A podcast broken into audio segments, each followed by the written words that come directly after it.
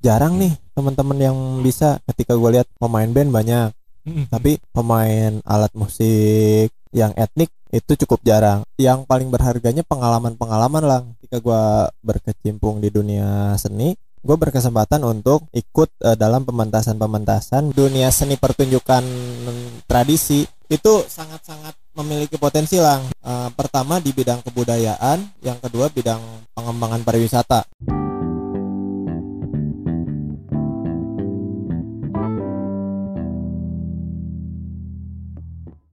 Halo, selamat datang di Perspektif Lain.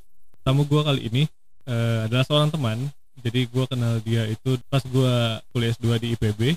Orang ini agak sedikit beda dari teman-teman gue yang lain karena dia sangat menekuni dan mendalami tentang kesenian terutama kesenian tradisional Sunda. Langsung aja kita sambut ada Andi di sini. halo Gilang. Bisa dikenalin mungkin Andi? Kenalan dulu. Ya. Oke, saya Andi Aji Setianata. Di sini saya temannya Gilang.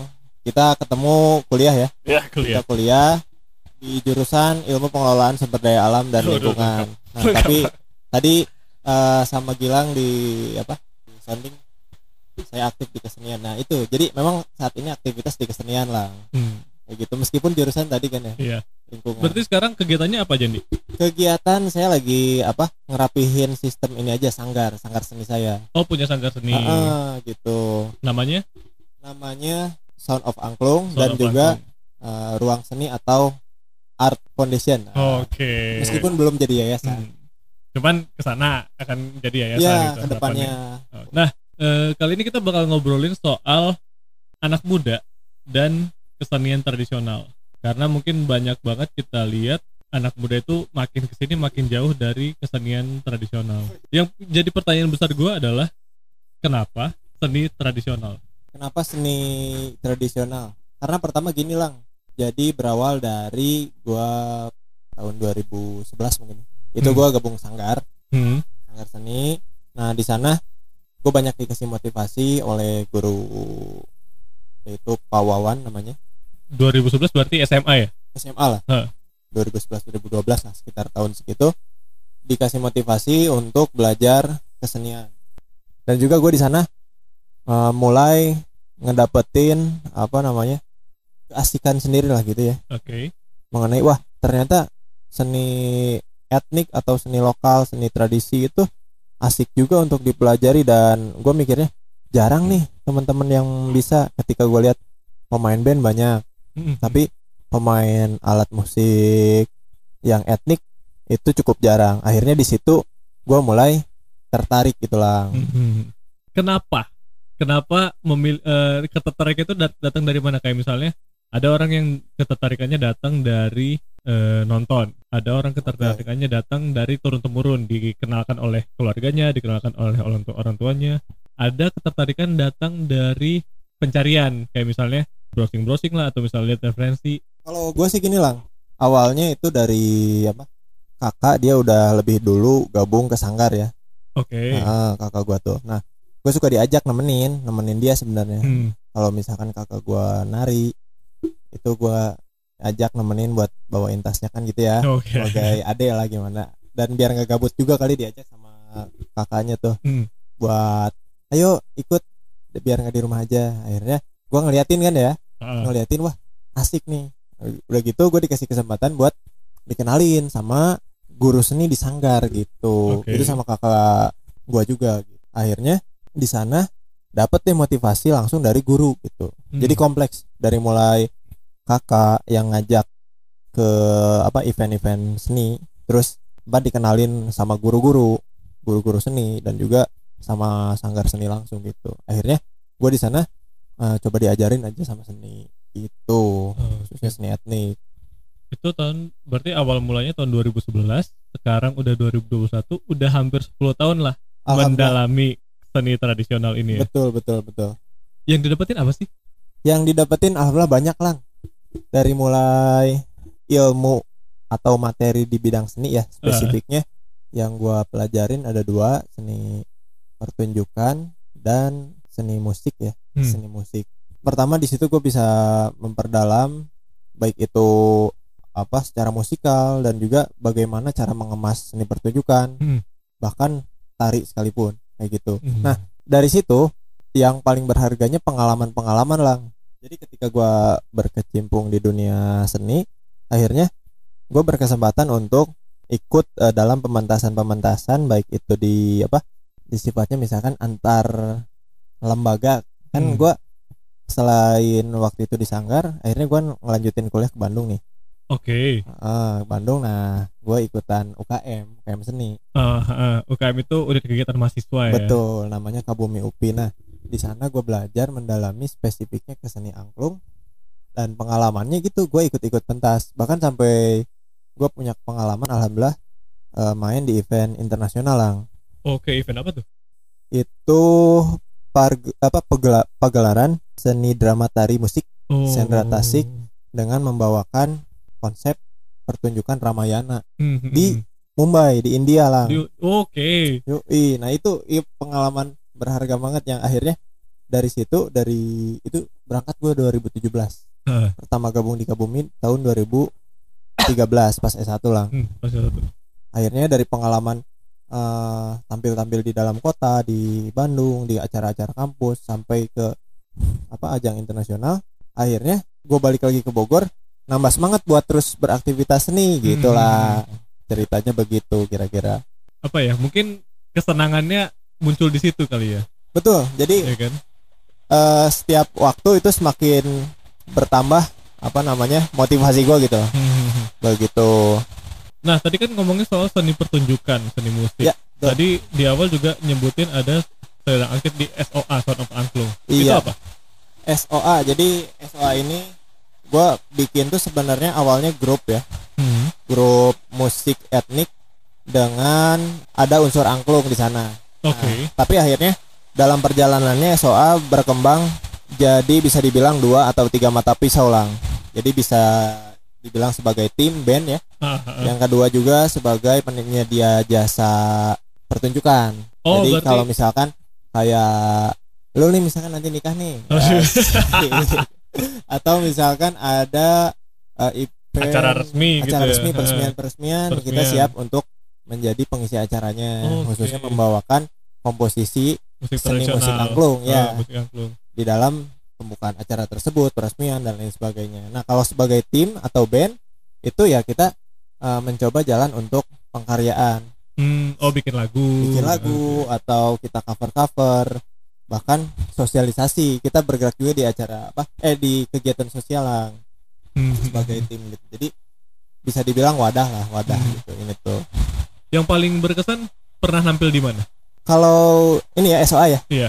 SOA dari perjalanan 2017 hingga saat ini alhamdulillah yang paling berkesan itu pertama ketika kegiatan sosial sosialisasi sosialisasi lah Oh, nah itu ke komunitas-komunitas masyarakat. pemuda bahkan kalau nggak salah lu pernah ikut kan Iya. ke apa namanya ke paguyuban eh, duta budaya dan Duta budaya. pariwisata terus ke kampus-kampus nah itu gua senang banget bisa sharing berbagi eh, apa pengalaman Hmm. dan juga memotivasi teman-teman untuk ayo kita partisipasi untuk melestarikan seni tradisional kayak Oke. gitu itu pertama yang kedua kalau penampilan dalam artian pertunjukan Hmm. itu mungkin yang terakhir-terakhir nih lang Hmm. baru-baru ini kayak kemarin kita tampil juga alhamdulillah di ini di stasiun televisi Oke. Gimana tuh? di acara Indosiar Oke.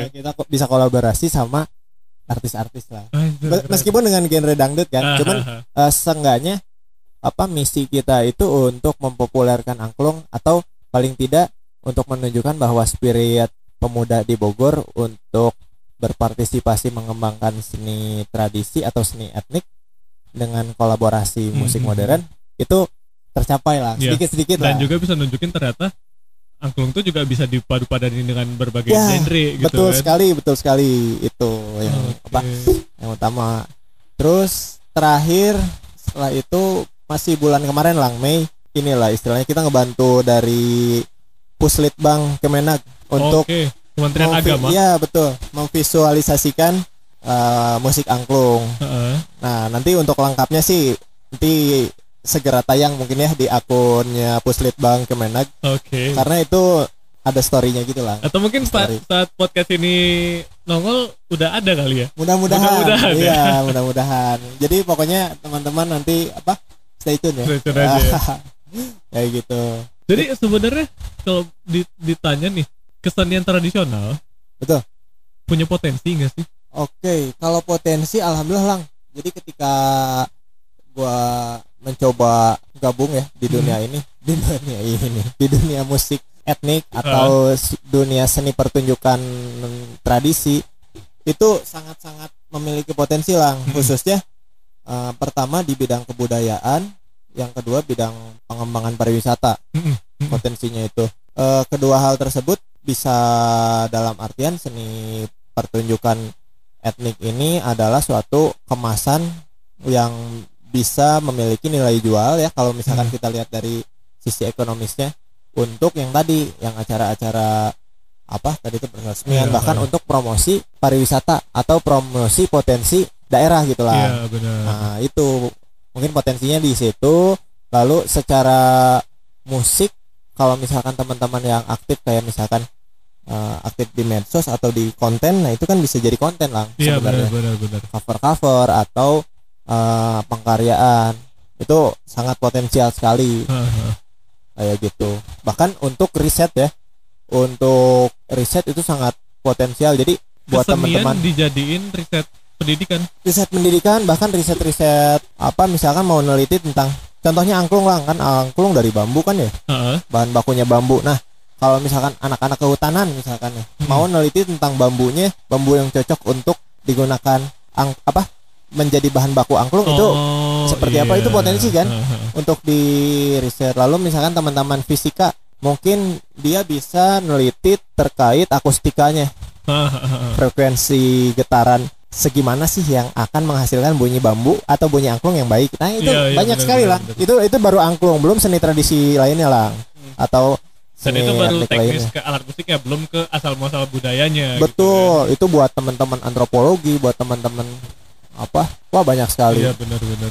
Komunitas juga lah buat teman-teman komunitas potensinya untuk eh, kegiatan sosial pemberdayaan itu bisa lah. Hmm. Banyak lah pokoknya. Jadi eh, tadi kan kalau ngomongin soal pemberdayaan, Ya. sampai sekarang berarti udah sering lah ya datang ke masyarakat atau datang ke komunitas untuk sekedar main bareng atau Oh iya, alhamdulillah. sosialisasi gitu. Ya, ya. Sampai saat ini responnya gimana? Terutama ke anak-anak ya. Soalnya kan kalau yang gua tangkap sih salah satu cara untuk memperpanjang umur suatu budaya yaitu mengenalkannya ke anak-anak. Alhamdulillah. eh, jadi kalau misalkan dari apa SOA sendiri kita dibilang program sih bisa bisa kita bilang sebagai program. Jadi kita coba yang tadi lang yang kita sosialisasi ke lembaga pendidikan seperti kampus, tapi eh, dalam artian ke kampusnya itu ke teman-teman pegiat seninya atau Oh. teman-teman komunitas pemudanya di kampus tersebut. Heeh. Jadi kita bisa sharing. Nah, di situ alhamdulillah teman-teman pada tertarik bahkan sebagian dari teman-teman ada yang gabung juga sama kita gitu lah. Impactnya tuh lalu di kayak komunitas Duta Budaya dan Pariwisata atau Mojang Jojaka itu di Kabupaten Bogor. Impact dari situ beberapa teman-teman ada yang ikut gabung Hmm. proses sama kita. Jadi kan eh, paling tidak menunjukkan bahwa oh alhamdulillah nih ada yang tertarik Iya. untuk ikut bersama-sama mengembangkan. Lalu kalau di masyarakat sendiri, alhamdulillah memang eh, dari dua tahun lalu kita ada program pembinaan seni angklung lah ke Oke. masyarakat sekitar lah Aha. sini. Oh sekitar Eh, oh sekitar rumah. anak-anak kecil sekitar- khususnya Ah. lah. Ya, itu kayak buat tampil di Agustusan. Oh, oh Ah. mereka yang nampil. Mereka yang tampil. Ah, Jadi saya coba ngelatih mereka dan juga pemuda-pemuda di sini Iya, kayak iya, gitu. iya. Mungkin pas bulan puasa sih latihan berjalan, cuman eh, saat ini masih di offin dulu karena lagi disusun jadwalnya. Hmm. Nanti kita buka lagi bahkan ke depan lang eh, minta doanya dari teman-teman semua dan juga khususnya Gilang. Jadi rencana mau buka semacam kursus. Oh. Jadi yang open lah gitu ya Aha. yang open untuk usia anak maupun dewasa untuk belajar seni angklung Iya, iya. gitu jadi Oh. program pelatihan atau sanggar lah rutin kalau sementara yang pemberdayaan itu kita semacam apa namanya emang eh, pembinaan aja ke masyarakat sekitar khususnya anak-anak Hmm. itu free kita karena emang upaya kita buat eh, pelestarian lah ya. eh, pelestarian di sini Kalau tadi kan udah kita ngobrolin soal potensi apa yang bisa dikembangin. Yap. Selama perjalanannya lo selama ini menggeluti bidang ini, bidang kesenian tradisional dari yang lo rasain, apa sih kendala yang paling sering lo rasain, paling sering lo hadapi? Oke. Dalam perjalanannya memang kalau kendala pertama gini lah. Kalau gue sih untuk di internal dengan teman-teman pertama dalam hal pengkaryaan. Nah, Hmm. Kita kan eh, berangkat dari nuansa etnik ya. Hmm. Nah, jadi sebelum gue lanjut lang mau mencoba men-sharekan ya, sharekan apa yang gue pahami. Jadi ada perbedaan lah sebenarnya terkait tradisi, seni tradisi dan seni lokal atau unsur etnik lah gitu ya, seni Oke. etnik. Nah, jadi kalau kita sebenarnya kentalnya dengan nuansa etnik dalam artian kita mengangkat nilai-nilai kedaerahan khususnya kalau misalkan seni Sunda dengan alat suling, kecapi dan juga angklung, kendang yaitu kita musik etnik Sunda lah, Heeh. musik angklung kolaborasi. Jadi kalau tradisi itu terlalu berat. Kalau Hmm. kita ngebrandnya tradisi karena tradisi itu lekat dengan adat istiadat. Iya, Sementara kan heeh. kalau kita masuknya ke pengembangan, kecuali kita setiap tahun atau kita menggunakan kesenian ini untuk ritus tertentu atau upacara tertentu. Nah, Oh, mungkin itu bisa iya. disebut Heeh. seni tradisi. Oke. Nah, eh, balik lagi ke kendala, paling gini lah. Jadi ketika gue bikin komposisi lagu sama teman-teman, lebih ke ini sih, mungkin eh, karena kita masih penyesuaian ya. Kadang eh, di situ kita agak apa namanya tuh?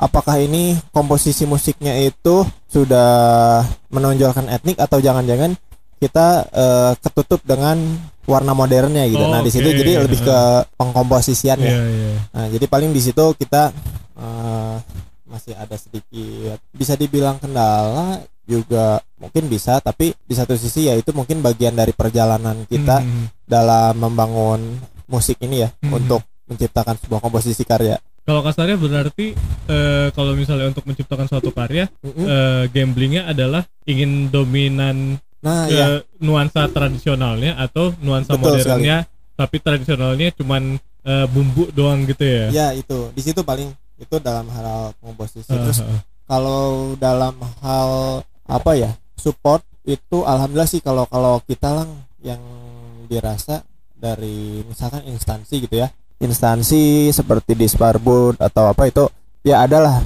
misalkan perhatian dalam hal ini menanyakan gimana ada program apa seperti apa dan ingin mengembangkan ke depan next eh, apa proyeknya apa kayak gitu. Itu ada. Dan apa ya hal-hal lainnya sementara sih kendala yang kita hadapi tinggal ini sih lokasi lokasi kan tahu sendiri lah Hmm. ketika kita mau pertunjukan kita prepare ke atas kan ya Iya. itu dengan gang kecil eh, lebih ke teknikal sih tapi eh, sampai saat ini alhamdulillah kendala itu masih bisa teratasi gitu Hmm. dengan misalkan ya kita harus mem apa namanya agak repot lebih sedikit gitu ya. Iya, agak repot. Ya itulah mengeluarkan apa istilahnya? Apa namanya itu lang? Effort lah ya. Effort ya. ha. Ah, ah. Itu paling kayak gitu lah. Kita Ah, harus eh, meluangkan tenaga lebih banyak untuk eh, apa? mempersiapkan suatu pertunjukan karena lokasi kita ini. Dan juga kalau misalkan buat nantinya ada yang ingin belajar ke kita, ya mungkin kendalanya itu parkiran mobil itu adanya di atas pinggir jalan, Hmm. mungkin perlu dititipin. ya. Eh, jadi sebenarnya kesenian tradisional ini selain sebagai identitas bangsa, identitas negara, bisa juga sebagai identitas diri sendiri berarti ya. Media lu nyalurin atau ngekspresiin sesuatu yang ada dalam diri lu gitu kan. Betul sekali, Karena- betul sekali.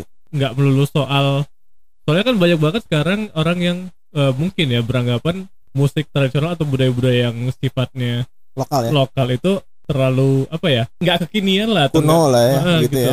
Nah, masih masih kuno masih terlalu kampungan lah mungkin kak kalau kasarnya gitu kan Iya. terakhir nih karena udah mau setengah jam juga menurut lo gimana sih caranya kita sebagai anak muda atau misalnya siapa pun lah nggak harus anak muda karena nggak ada waktu eh, nggak ada kata-kata istilah terlambat untuk belajar gitu kan Betul sekali, betul. sekali. gimana gimana caranya untuk numbuhin semangat untuk lebih mengenal dan mempopulerkan atau bangga dengan kesenian tradisional karena mungkin banyak yang ngira ya itu tadi seni tradisional itu terlalu kurang kurang diminati lah karena mungkin sifatnya kayak lebih lokal lebih Yap. eh, kampungan seperti itu menurut lu gimana Kalau menurut gua pertama ada dua hal ya. Itu faktor luar dan faktor dalam. Nah, faktor di dalam itu kembali ke masing-masing teman-teman ya semuanya. Itu coba deh kita menggali makna atau minimal coba menyadari bahwa seni yang ada di Indonesia ya kita coba bicara general Indonesia itu kan beragam karena kita terbentuk dari ragam etnis ya, multi etnis dengan ragam produk dari kebudayaannya atau produk dari etnisitas itu sendiri.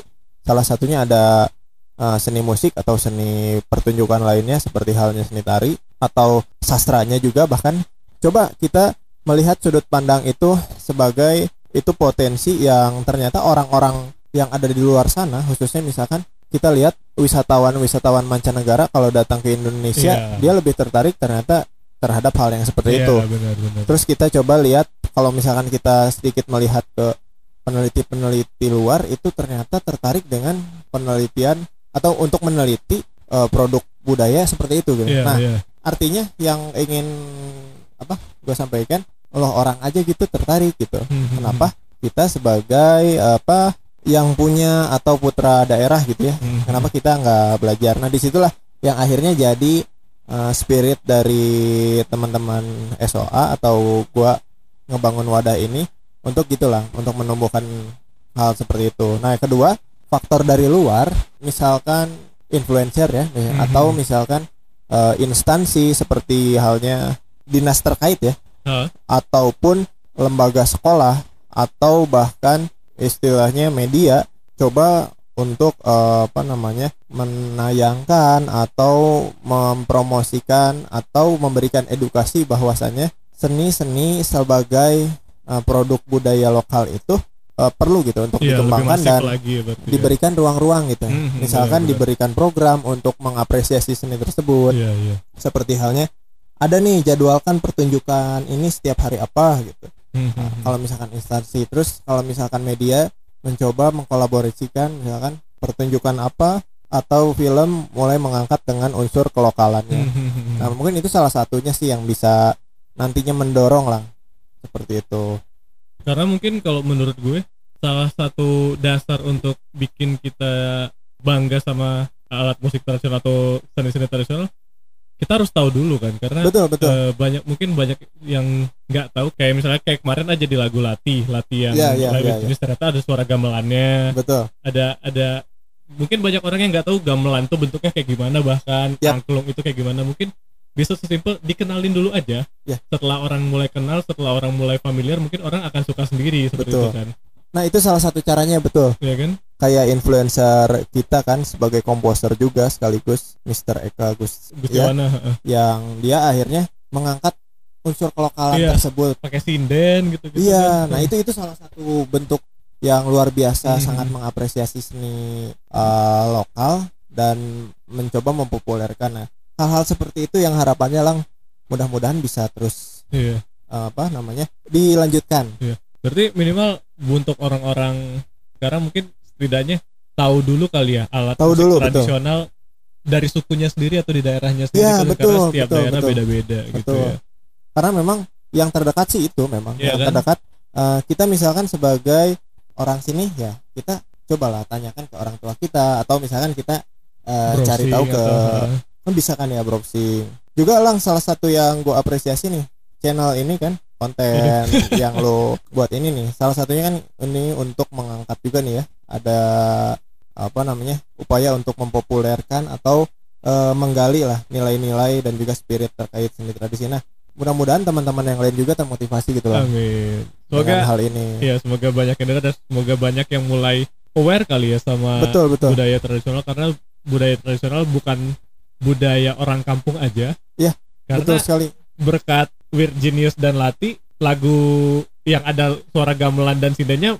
masuk di Times Square gitu loh kan Yap. masuk Hollywood gitu. Betul sekali. Ya itu mungkin kan membanggakan ya. Hmm, mungkin lanjut-lanjutnya mungkin ada kondang Batak mungkin ada kecapi mungkin ada alat musik yang lain gitu kan. Iya betul betul. Gitu.